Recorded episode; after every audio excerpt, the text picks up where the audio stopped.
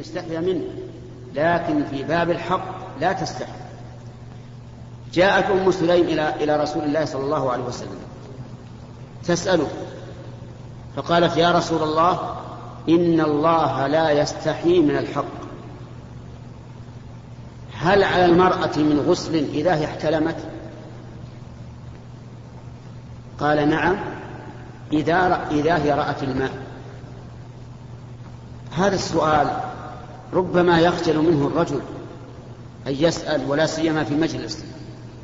لكن أم سليم لم يمنعها الحياء من أن تعرف دينها وتتفقه فيه, وتتفقه فيه.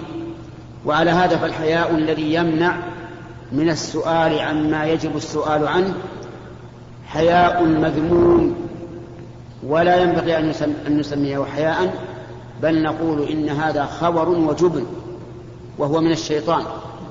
فدينك اسأل عنه لا تسأل أما الأشياء التي لا, لا, لا تتعلق في الأمور الواجبة فالحياء خير من عدم الحياء وإن مما أدرك الناس من كلام النبوة الأولى. إذا لم تستحي فاصنع ما شئت. ومما يجانب الحياء ما يفعله بعض الناس الآن في الأسواق. من الكلام البذيء السيء أو الأفعال السيئة أو ما أشبه ذلك.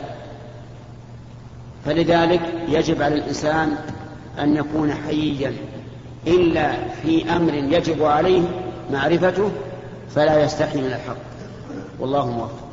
رحمه الله تعالى. باب حفظ السر. قال الله تعالى وأوفوا بالعهد إن العهد كان مسؤولا. وأما الأحاديث عن أبي سعيد الخدري رضي الله عنه قال قال رسول الله صلى الله عليه وسلم إن من أشر الناس عند الله منزلة يوم القيامة الرجل يفضي إلى المرأة وتفضي إليه ثم ينشر سرها رواه مسلم. بسم الله الرحمن الرحيم. قال النووي رحمه الله في كتاب رياض الصالحين باب حفظ السر.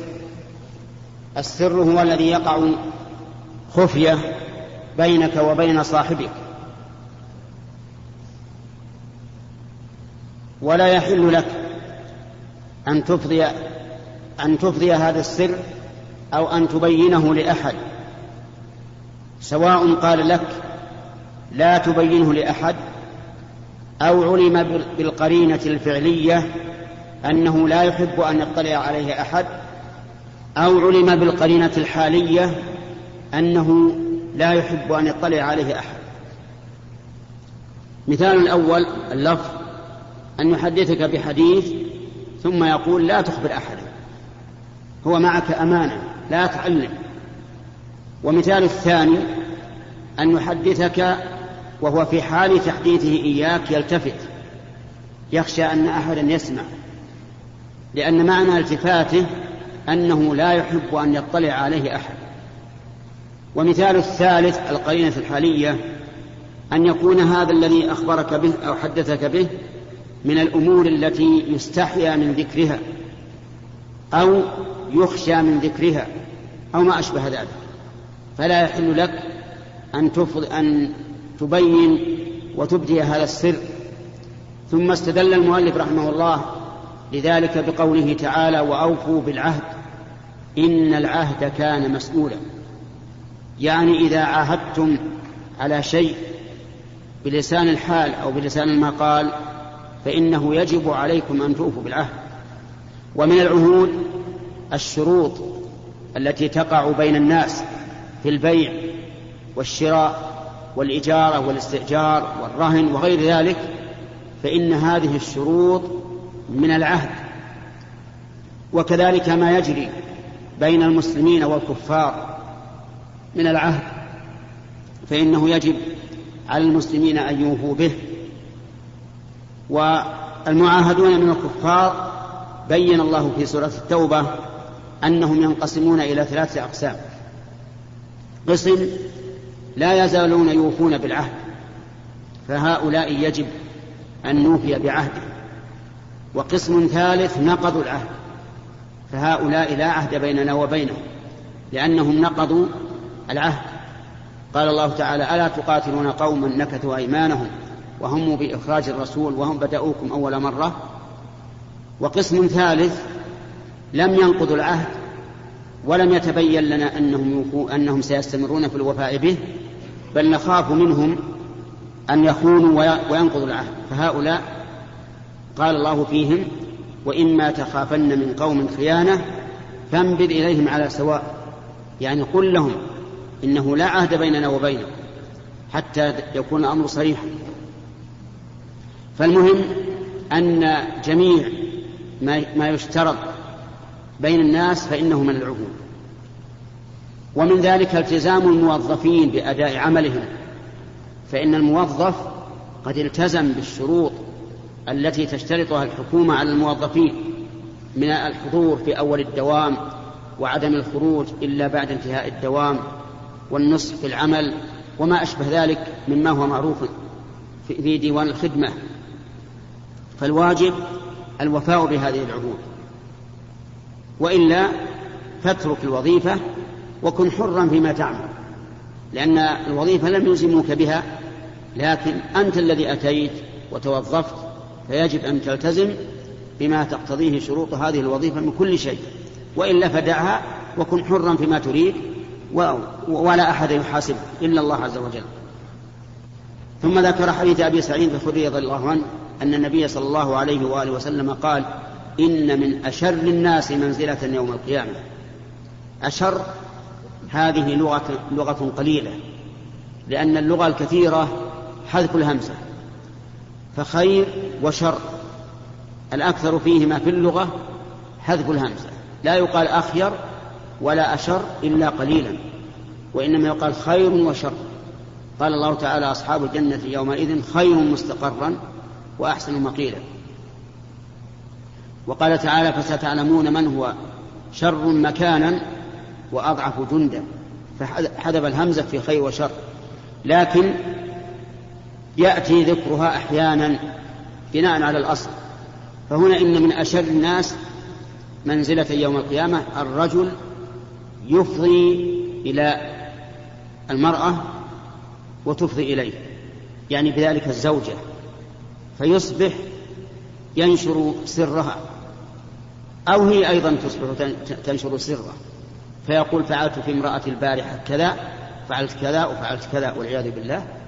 فالذي لا الغائب كأنه يشاهد كأنه بينهم في الفراش والعياذ بالله. يخبره بالشيء السر الذي لا تحب الزوجة أن يطلع عليه أحد أو أو الزوجة كذلك تخبر النساء بأن زوجها يفعل بها كذا وكذا فكل هذا حرام. ولا يحل وهو من شر الناس منزلة يوم القيامة عند الله عز وجل. فالواجب أن الأمور السرية في البيوت وفي الفرش وفي غيرها الواجب أن تحفظ وأن لا يطلع عليها أحد أبدا.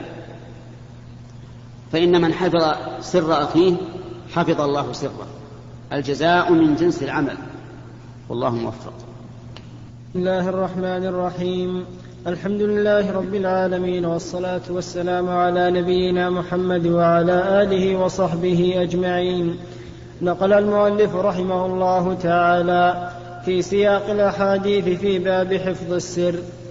عن ثابت عن أنس رضي الله عنه قال أتى علي رسول الله أتى علي رسول الله صلى الله عليه وسلم وأنا ألعب مع الغلمان. فسلم علينا فبعثني في حاجته فأبطأت على أمي. فلما جئت قالت ما حبسك؟ فقلت بعثني رسول الله صلى الله عليه وسلم لحاجة. قالت ما حاجته؟ قلت إنها سر. قالت لا تخبرن بسر رسول الله صلى الله عليه وسلم أحدا.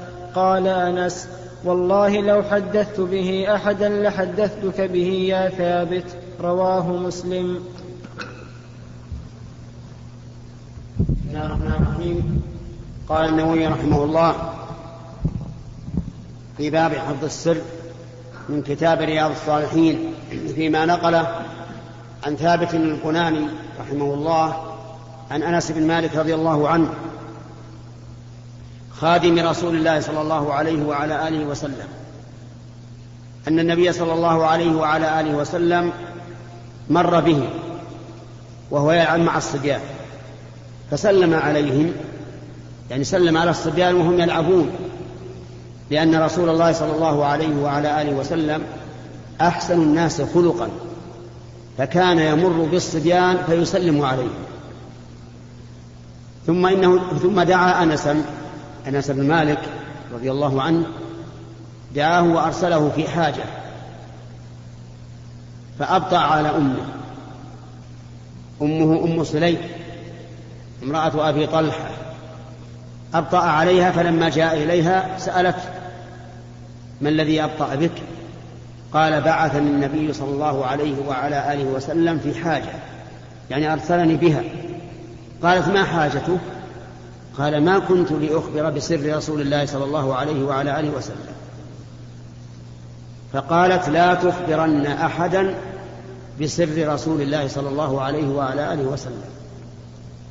قال أنس لثابت وكان من ممن يلازمه لو كنت مخبرا أحدا بذلك لأخبرتك به أي بالحاجة التي أرسله النبي صلى الله عليه وعلى آله وسلم بها. ففي هذا الحديث فوائد أولا حسن خلق النبي صلى الله عليه وعلى آله وسلم وتواضعه الجم وأنه على شرفه ومكانته وجاهه عند الله وعند خلقه يتواضع حتى يسلم على الصبيان وهم يلعبون في السوق. ومن منا يفعل ذلك إلا من شاء الله؟ ثانيا من فوائد هذا الحديث أنه يسن للإنسان أن يسلم على من مر به ولو كان من الصبيان. لأن السلام دعاء تدعو لأخيك السلام عليك ورده دعاء لك تقول عليك السلام. ولأنك إذا سلمت على الصبيان عودتهم التربية الحسنة حتى ينشأوا عليها ويعيشوا عليها ويكون لك أجر في كل ما اقتدوا بك فيه. كل شيء يقتدي بك. الإنسان من أمور الخير لك فيه أجر. ومن فوائد هذا الحديث أيضا جواز إرسال الصبي بالحاجة. لكن بشرط أن يكون مأمونا فيها. أما إذا كان غير مأمون بأن يكون الصبي كثير كثير اللعب كثير اللعب ولا يهتم بالحوائج فلا تعتمد عليه. ومنها ما ذكره الفقهاء رحمهم الله أن الصبي إذا جاءك بحاجة وقال هذه من أبي هذه من أمي وما أشبه ذلك فلك أن تقبلها. وإن كان هو بنفسه لا يملك أن يتبرع من ماله بشيء لكن إذا جاءك على أنه مرسول وقال هذا من أبي جاءك مثل بتمر جاءك ببطيخ جاءك بثوب بأي شيء. إذا جاءك فاقبله ولا تقل هذا صبي ربما سرق سرقها ربما كذا أخذا بالظاهر. ومن فوائد هذا الحديث أيضا مراعاة الوالدة والأهل وأن الإنسان إذا أراد أن يقضي حاجة وخاف أن يخطئ عليهم أن يخبرهم إذا لم تفت الحاجة بذلك. يعني أنك إذا خرجت من أهلك فينبغي أن تقول خرجت للجهة الفلانية حتى يطمئنوا ولا تنشغل خواطرهم. والإنسان لا يدري ربما يذهب إلى الجهة الفلانية ويصاب بحادث أو مرض أو غيره فإذا لم يكن معلوما بقي أمره مشكلا عند أهله. فينبغي إذا أردت أن تذهب إلى شيء غير معتاد أما الشيء المعتاد مثل الخروج للمسجد وما أشبه فلا بأس. لكن إذا أردت أن تخرج إلى شيء غير معتاد مثلا افرض بتذهب إلى بلد قريب من بلاد قل إني اليوم أذهب إلى المكان الفلاني. أو تبي تظهر في نزهة. قل أظهر اليوم في نزهة. أخبرهم حتى يطمئنوا. ومن فوائد هذا الحديث أنه لا يجوز للإنسان أن يبدي سر شخص حتى لأمه وأبيه. فلو أن إنسانا أرسلك في حاجة ثم قال لك أبوك ما الذي أرسلك به؟ لا تخبر ولو كان أباك أو قالت أمك ما الذي أرسلك به؟ لا تخبرها. ولو كانت أمك لأن هذا من أسرار الناس ولا يجوز إبداؤها لأحد. ومنها حسن تربية أم سليم لابنها حيث قالت لا تخبرن أحدا بسر رسول الله صلى الله عليه وعلى آله وسلم وإنما قالت له ذلك مع أنه لم يخبر لم يخبرها ولم يخبر غيرها تأييدا له وتثبيتا له وإقامة للعذر له لأنه هو أبى أن يخبرها لأنه سر رسول الله فقالت لا تخبرني به أحد. كأنها تقول أنا أوافقك على هذا فاستمسك به. ومنها إظهار محبة أنس لثابت بن البناني رحمه الله لأنه ملازم له ولهذا تجده يروي عنه كثيرا. قال له لو كنت مخبرا بأحدا بذلك لأخبرتك وهذا يدل على المحبة بين أنس وبين تلميذه ثابت. وهكذا أيضا ينبغي أن تكون المودة بين التلاميذ ومعلمهم متبادلة لأنه إذا لم يكن بين التلميذ والمعلم مودة فإن التلميذ لا يقبل كل ما قاله معلمه. وكذلك المعلم لا ينساب لتعليم تلميذه ولا ولا يهتم به كثيرا. فإذا صارت المودة بينهما متبادلة حصل في هذا خير كثير. والله موفق. بسم الله الرحمن الرحيم. الحمد لله رب العالمين والصلاة والسلام على نبينا محمد وعلى آله وصحبه أجمعين. قال رحمه الله تعالى باب الوفاء بالعهد وإنجاز الوعد. قال الله تعالى وأوفوا بالعهد إن العهد كان مسؤولا. وقال تعالى وأوفوا بعهد الله إذا عاهدتم. وقال تعالى يا أيها الذين آمنوا أوفوا بالعقود. وقال تعالى يا أيها الذين آمنوا لم تقولون ما لا تفعلون؟ كبر مقتا عند الله أن تقولوا ما لا تفعلون.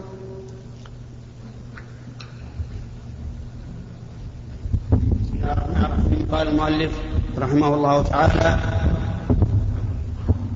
باب الوفاء بالعهد وإنجاز الوعد. العهد ما يعاهد الإنسان به غيره وهو نوعان عهد مع الله وعهد مع عباد الله. فأما العهد مع الله عز وجل فإن الله سبحانه وتعالى قال في كتابه وإذ أخذ ربك من بني آدم من ظهورهم ذريتهم وأشهدهم على أنفسهم ألست بربكم؟ قالوا بلى شهدنا. فقد أخذ الله العهد على على عباده جميعا أن يعبدوه ولا يشركوا به شيئا لأنه ربهم وخالقهم. وأما العهد مع عباد الله فالعهود التي تقع بين الناس بين الإنسان وبين أخيه المسلم بين بين المسلمين وبين الكفار وغير ذلك من العهود المعروفة. فقد أمر الله تعالى بالوفاء بالعهد. فقال عز وجل وأوفوا بالعهد إن العهد كان مسؤولا. يعني إن الوفاء بالعهد مسؤول عنه الإنسان, الإنسان يوم القيامة. يسأل عن عهده هل وفى به أو لا. وقال تعالى وأوفوا بعهد الله إذا عاهدتم. يعني ولا ولا تخلفوا العهد.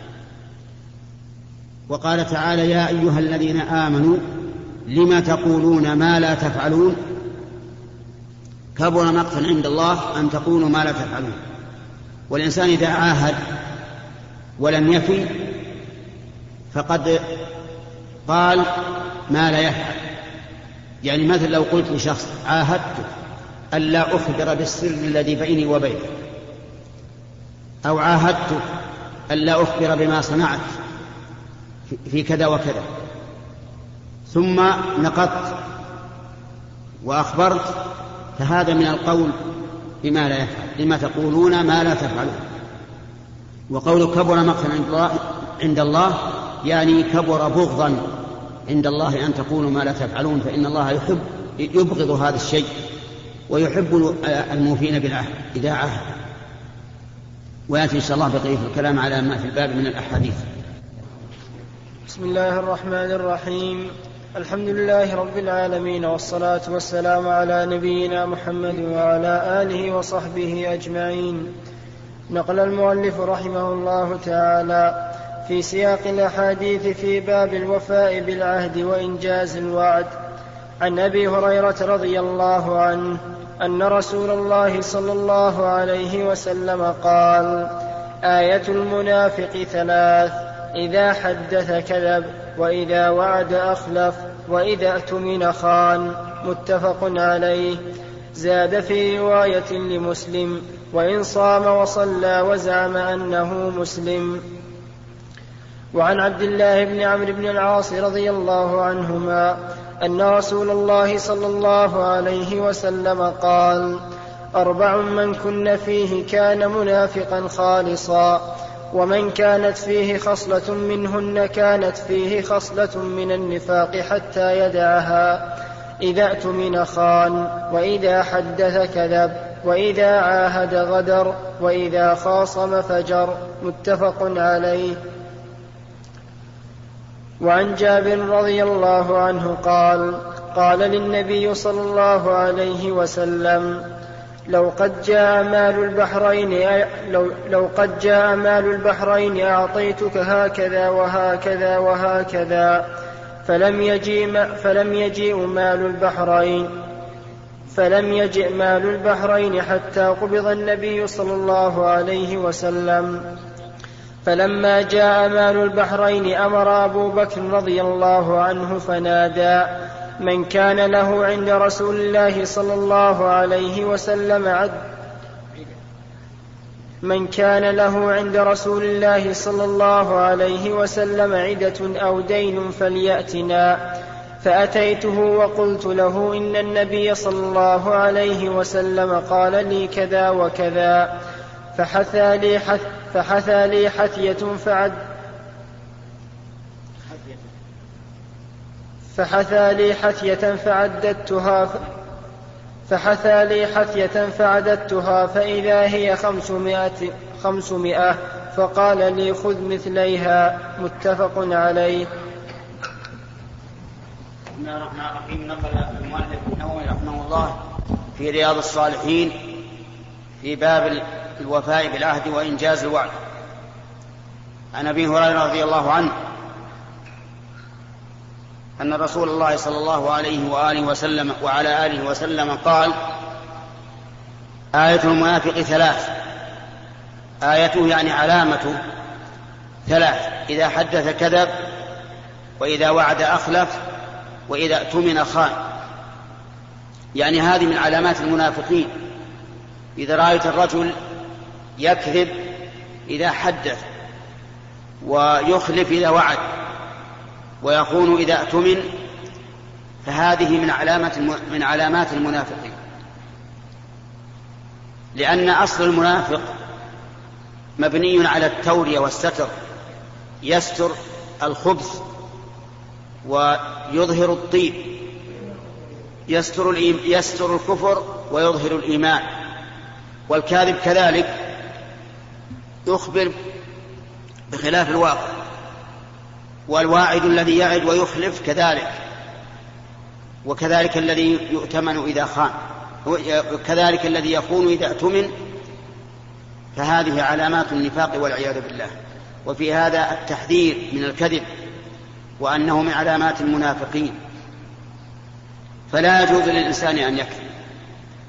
لكن إذا اضطر إلى التورية وهي التأويل فلا بأس. مثل أن يسأله أحد عن أمر لا يحب أن يطلع عليه غيره فيحدث بشيء خلاف الواقع لكن يتأول فهذا لا بأس به. وأما إخلاف الوعد فحرام يجب الوفاء بالوعد سواء وعدته مالا أو وعدته إعانة تعين في شيء أو أي أمر من الأمور. إذا وعدت يجب عليك أن توفي بالوعد. وفي هذا ينبغي للإنسان أن يحدد في المواعيد ويضبطها. مثل إذا قال وعدك المكان الفلاني فليحدد في الساعة الفلانية من أجل إذا تأخر الموعود وانصرف الواعد يكون له عذر حتى لا يسجنه كثيرا. وقد اشتهر عند بعض السفهاء أنهم يقولون أنا أواعدك ولا أخلفك وعد إنجليزي يظنون أن الذين يفون بالوعد هم الإنجليز. ولكن الوعد الذي يوفى به هو وعد المؤمن. ولهذا ينبغي لك أن تقول إذا وعدت أحد وأردت أن تؤكد تقول إنه وعد مؤمن. حتى لا يخلفه لأنه لا يخلف الوعد إلا المنافق. وإذا اؤتمن خان يعني إذا ائتمنه الناس على أموالهم أو على أسرارهم أو على أولادهم أو على أي شيء من الأشياء فإنه يخون والعياذ بالله. فهذه أيضا من علامة النفاق. وأما حديث عبد الله بن عمرو بن العاص رضي الله عنهما ففيه أربع من كن فيه كان منافقا خالصا. ومن كان فيه خصلة منهن كان فيه خصلة من النفاق حتى يدعها. فالمراد به أن هذه الأربع لا تجتمع إلا في المنافق الخالص. وإن كان المؤمن قد يحصل له واحدة منها لكنه لا يكون منافقا خالصا بل يكون فيه خصلة من النفاق حتى يدعها. والله موفق. بسم الله الرحمن الرحيم. الحمد لله رب العالمين والصلاة والسلام على نبينا محمد وعلى آله وصحبه أجمعين. نقل المؤلف رحمه الله تعالى في سياق الأحاديث في باب الوفاء بالعهد وإنجاز الوعد. عن عبد الله بن عمرو بن العاص رضي الله عنهما أن رسول الله صلى الله عليه وسلم قال أربع من كن فيه كان منافقا خالصا. ومن كانت فيه خصلة منهن كانت فيه خصلة من النفاق حتى يدعها. إذا اؤتمن خان وإذا حدث كذب وإذا عاهد غدر وإذا خاصم فجر. متفق عليه.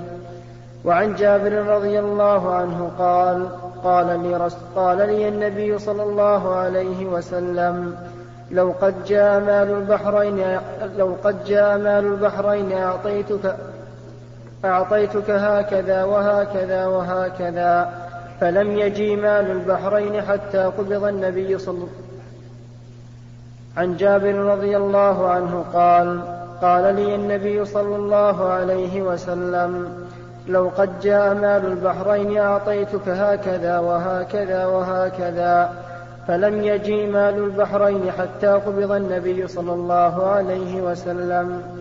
فلما جاء مال البحرين أمر أبو بكر رضي الله عنه فنادى من كان له عند رسول الله صلى الله عليه وسلم عدة أو دين فليأتنا. فأتيته وقلت له إن النبي صلى الله عليه وسلم قال لي كذا وكذا فحثى لي حثية فعددتها ف... فحثى لي حثية فعددتها فإذا هي خمسمائة. فقال لي خذ مثليها متفق عليه. قال المؤلف النووي رحمه الله في رياض الصالحين في باب الوفاء بالعهد وإنجاز الوعد. فيما نقله عن عبد الله بن عامر بن عاص رضي الله عنهما أن النبي صلى الله عليه وعلى آله وسلم قال أربع من كن فيه كان منافقا خالصا ومن كان فيه واحدة منهن كان فيه خصلة من النفاق حتى يدعها. إذا اؤتمن خان وإذا حدث كذب وسبق الكلام على هاتين الجملتين. قال وإذا عاهد غدر وهو قريب من قوله فيما سبق إذا وعد أخلف إذا عاهد أحدا غدر به. ولم يف بالعهد الذي عاهده عليه. والرابعة إذا خاصم فجر. الخصومة المخاصمة عند القاضي ونحوه فإذا خاصم فجر. والفجور في الخصومة على نوعين. أحدهما أن يدعي ما ليس له والثاني أن ينكر ما, ما يجب عليه. مثال الأول ادعى شخص على آخر فقال عند القاضي أنا أطلب هذا الرجل ألف ريال. وهو كاذب. وحلف على هذه الدعوة وأتى بشاهد زور فحكم له القاضي. هذا خاصم ففجر لأنه ادعى ما ليس له وحلف عليه. ومثال الثاني أن يكون عند شخص ألف ريال. فيأتيه صاحب الحق يقول أوفني حق فيقول ليس عندي لك شيء. فإذا اختصم إلى القاضي ولم يكن للمدعي بينة حلف هذا المنكر الكاذب في إنكاره أنه ليس في ذمته له شيء فيحكم القاضي ببراءته فهذه خصومة فجور والعياذ بالله.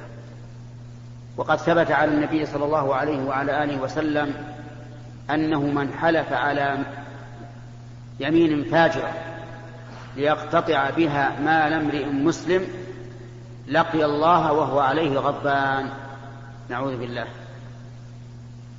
هذه الخصال الأربع إذا اجتمعت في المرء كان منافقا خالصا لأنه استوفى خصال النفاق والعياذ بالله.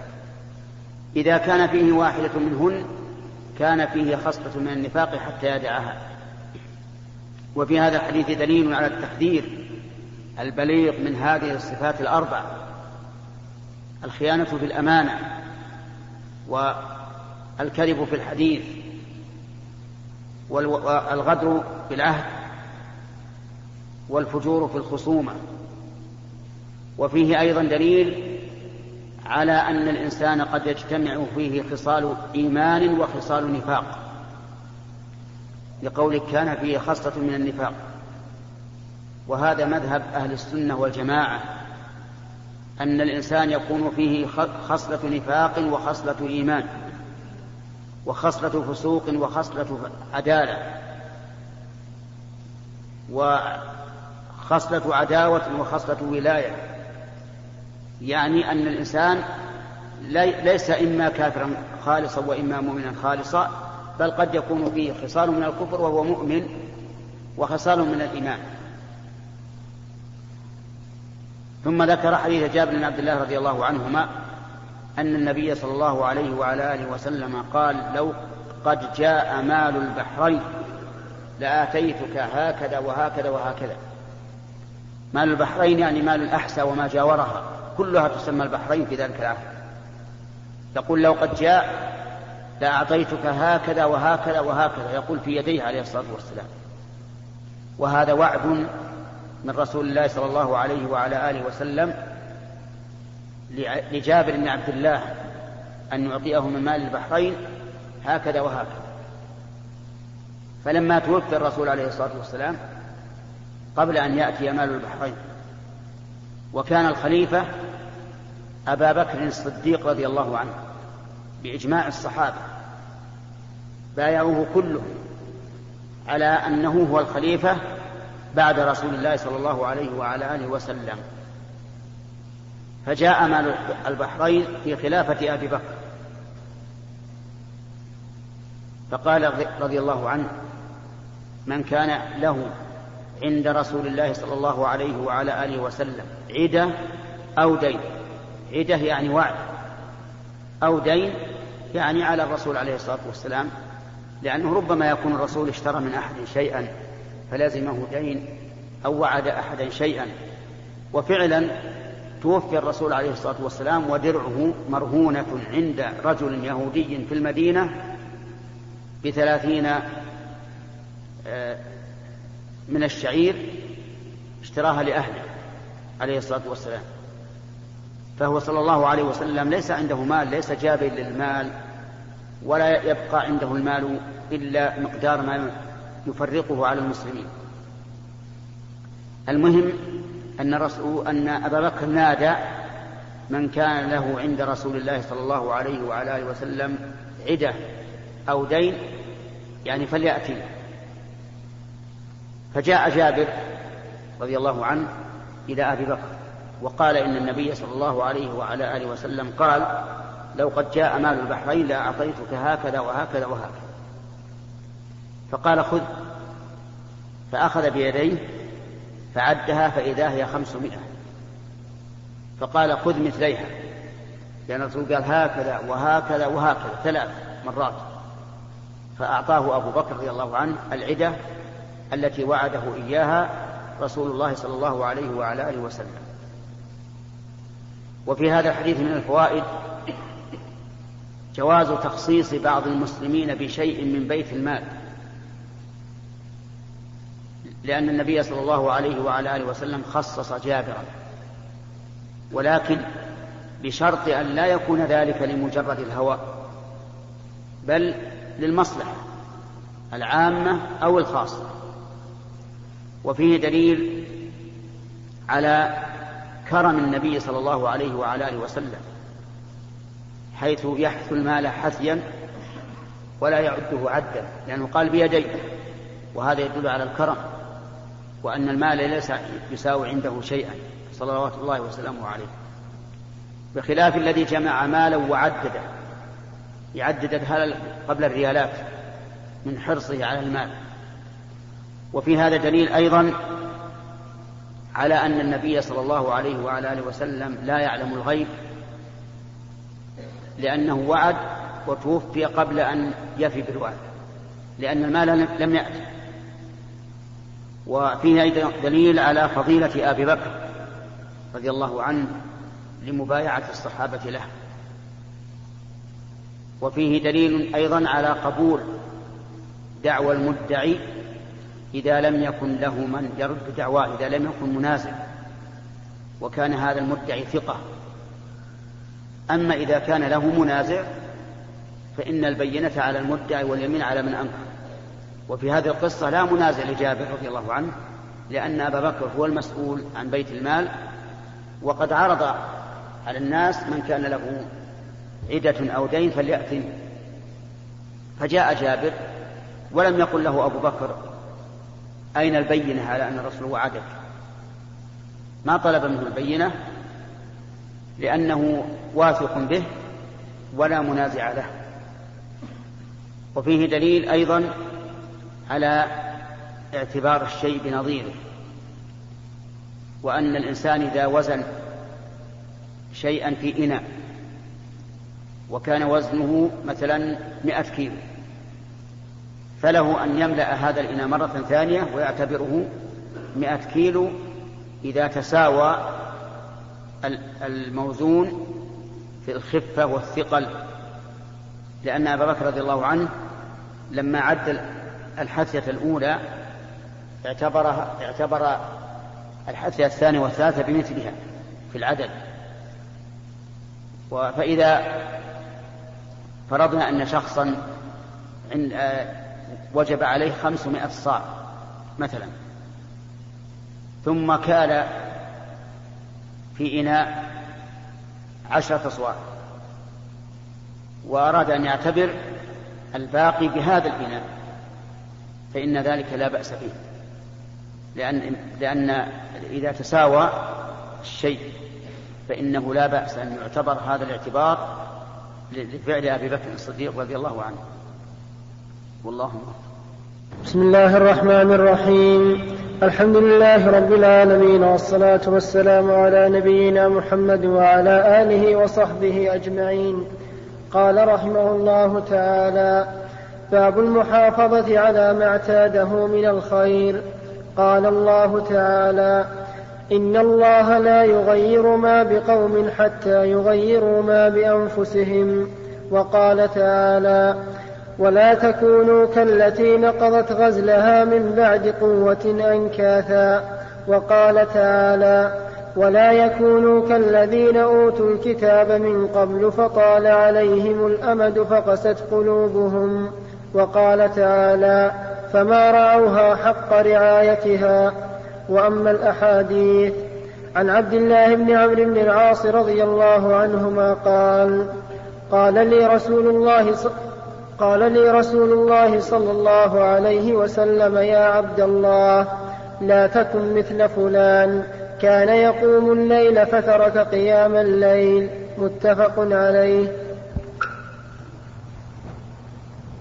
بسم الله الرحمن الرحيم. قال المؤلف النووي رحمه الله تعالى في كتابه رياض الصالحين باب المحافظة على ما اعتاده من الخير. يعني أن الإنسان إذا اعتاد فعل الخير فينبغي أن يداوم عليه. فمثلا إذا اعتاد أن لا يدع الرواتب يعني الصلوات النوافل التي تتبع الصلوات الخمس فليحافظ على ذلك. إذا كان يقوم الليل فليحافظ على ذلك. إذا كان يصلي ركعتين من الضحى فليحافظ على ذلك. كل شيء من الخير إذا اعتاده فإنه ينبغي أن يحافظ عليه. وكان من هدي النبي صلى الله عليه وعلى آله وسلم أن عمله ديمة يعني يداوم عليه. إذا عمل عملا أثبته ولم يغيره. وذلك لأن الإنسان إذا اعتاد الخير وعمل به ثم تركه فإن هذا يؤدي إلى الرغبة عن الخير. لأن الرجوع بعد الإقدام شر من عدم الإقدام. يعني لو أنك, لو أنك لم تفعل الخير لكان أهون مما إذا فعلته ثم تركته. وهذا شيء مشاهد مجرد. وذكر المؤلف رحمه الله عدة آيات من القرآن كلها تدل على أن الإنسان ينبغي أن يحافظ على ما اعتاده من الخير. فمن ذلك قوله تعالى ولا تكونوا كالتي نقضت غزلها من بعد قوة أنكاثا. يعني لا تكونوا كالمرأة الغازلة التي تغزل الصوف ثم إذا غزلته وأتقنته نقضته أنكاثا ومزقته. بل أديموا على على ما عملتم عليه. ومن ذلك قوله تعالى ولا تكونوا كالذين أوتوا الكتاب من قبل فطال عليهم الأمد فقست قلوبهم. أي أنهم كانوا يعملون العمل الصالح لكن طال عليهم الأمد فقست قلوبهم وتركوا العمل فلا تكونوا مثلهم. وأما الأحاديث فذكر منها رحمه الله حديث عبد الله بن عمرو بن العاص أن رسول الله صلى الله عليه وعلى آله وسلم قال يا عبد الله لا تكن مثل فلان كان يقوم من الليل فترك قيام الليل كلمة فلان يكنى بها عن عن الإنسان. البشر الرجل. والمرأة يقال فلانة. وهذه الكلمة فلان يحتمل أنها من كلام الرسول صلى الله عليه وعلى آله وسلم. وأن الرسول لم يذكر اسمه لعبد الله بن عمرو. سترا عليه. لأن المقصود المقصود القضية دون صاحبها. ويحتمل أن الرسول صلى الله عليه وعلى آله وسلم عين لكن أبهمه عبد الله بن عمرو رضي الله عنه. وأيا كان فالمهم العمل والقضية. رجل كان يقوم من الليل ثم ترك قيام الليل فلم يثبت ولم يداوم عليه. مع أن قيام الليل في الأصل سنة لو لم يفعل الإنسان لم يلم عليه. يعني لو لم يقم من الليل ما لامه أحد ولا قال له لماذا لم تقم من الليل لأنه سنة. لكن كونه يقوم ثم يرجع ويترك هذا هو الذي يلام عليه. ولهذا قال الرسول عليه الصلاة والسلام لا تكن مثل فلان. كان يقوم من الليل فترك قيام الليل. ومن ذلك وهو أهم وأعظم أن يبدأ الإنسان بطلب العلم الشرعي. ثم إذا فتح الله عليه بما فتح تركه فإن هذا كفر نعمة أنعم الله بها عليه. فإذا بدأت بطلب العلم فاستمر. إلا أن يشغلك عنه شيء على وجه الضرورة. وإلا فداوم لأن طلب العلم فرض كفاية. كل من طلب العلم فإن الله يثيبه على طلبه ثواب الفرض. وثواب الفرض أعظم من ثواب النافلة. كما جاء في الحديث الصحيح أن الله تعالى قال ما تقرب إلي عبدي بشيء أحب إلي مما افترضت عليه. فطلب العلم فرض كفاية إذا قام به الإنسان قام بفرض عن, عن عموم الأمة. وقد يكون فرض عين فيما إذا احتاج الإنسان إليه في في نفسه. كمن أراد أن يصلي فلا بد أن يتعلم أحكام الصلاة. ومن كان عنده مال لا بد أن يتعلم أحكام الزكاة والبائع المشتري لا بد أن يتعلم أحكام البيع والشراء ومن أراد أن يحج لا بد أن يتعلم أحكام الحج هذا فرض عين. أما بقية العلوم فهي, فهي فرض كفاية. فإذا شرع الإنسان في طلب العلم فلا يرجع يستمر. إلا أن يصده عن ذلك أمر ضروري فهذا شيء آخر. ولهذا كان المنافقون هم الذين إذا بدأوا بالعمل تركوه. في غزوة أحد خرج مع النبي صلى الله عليه وعلى آله وسلم نحو ألف رجل. منهم الثلث تقريبا من المنافقين. من فضلك. ولما كانوا في أثناء الطريق بين المدينة وأحد رجع المنافقون. لأنهم لم يخرجوا لله رجعوا وقالوا لو نعلم قتالا لاتبعناكم. قال الله تعالى هم للكفر يومئذ أقرب منهم للإيمان. فالحاصل أنه ينبغي للمسلم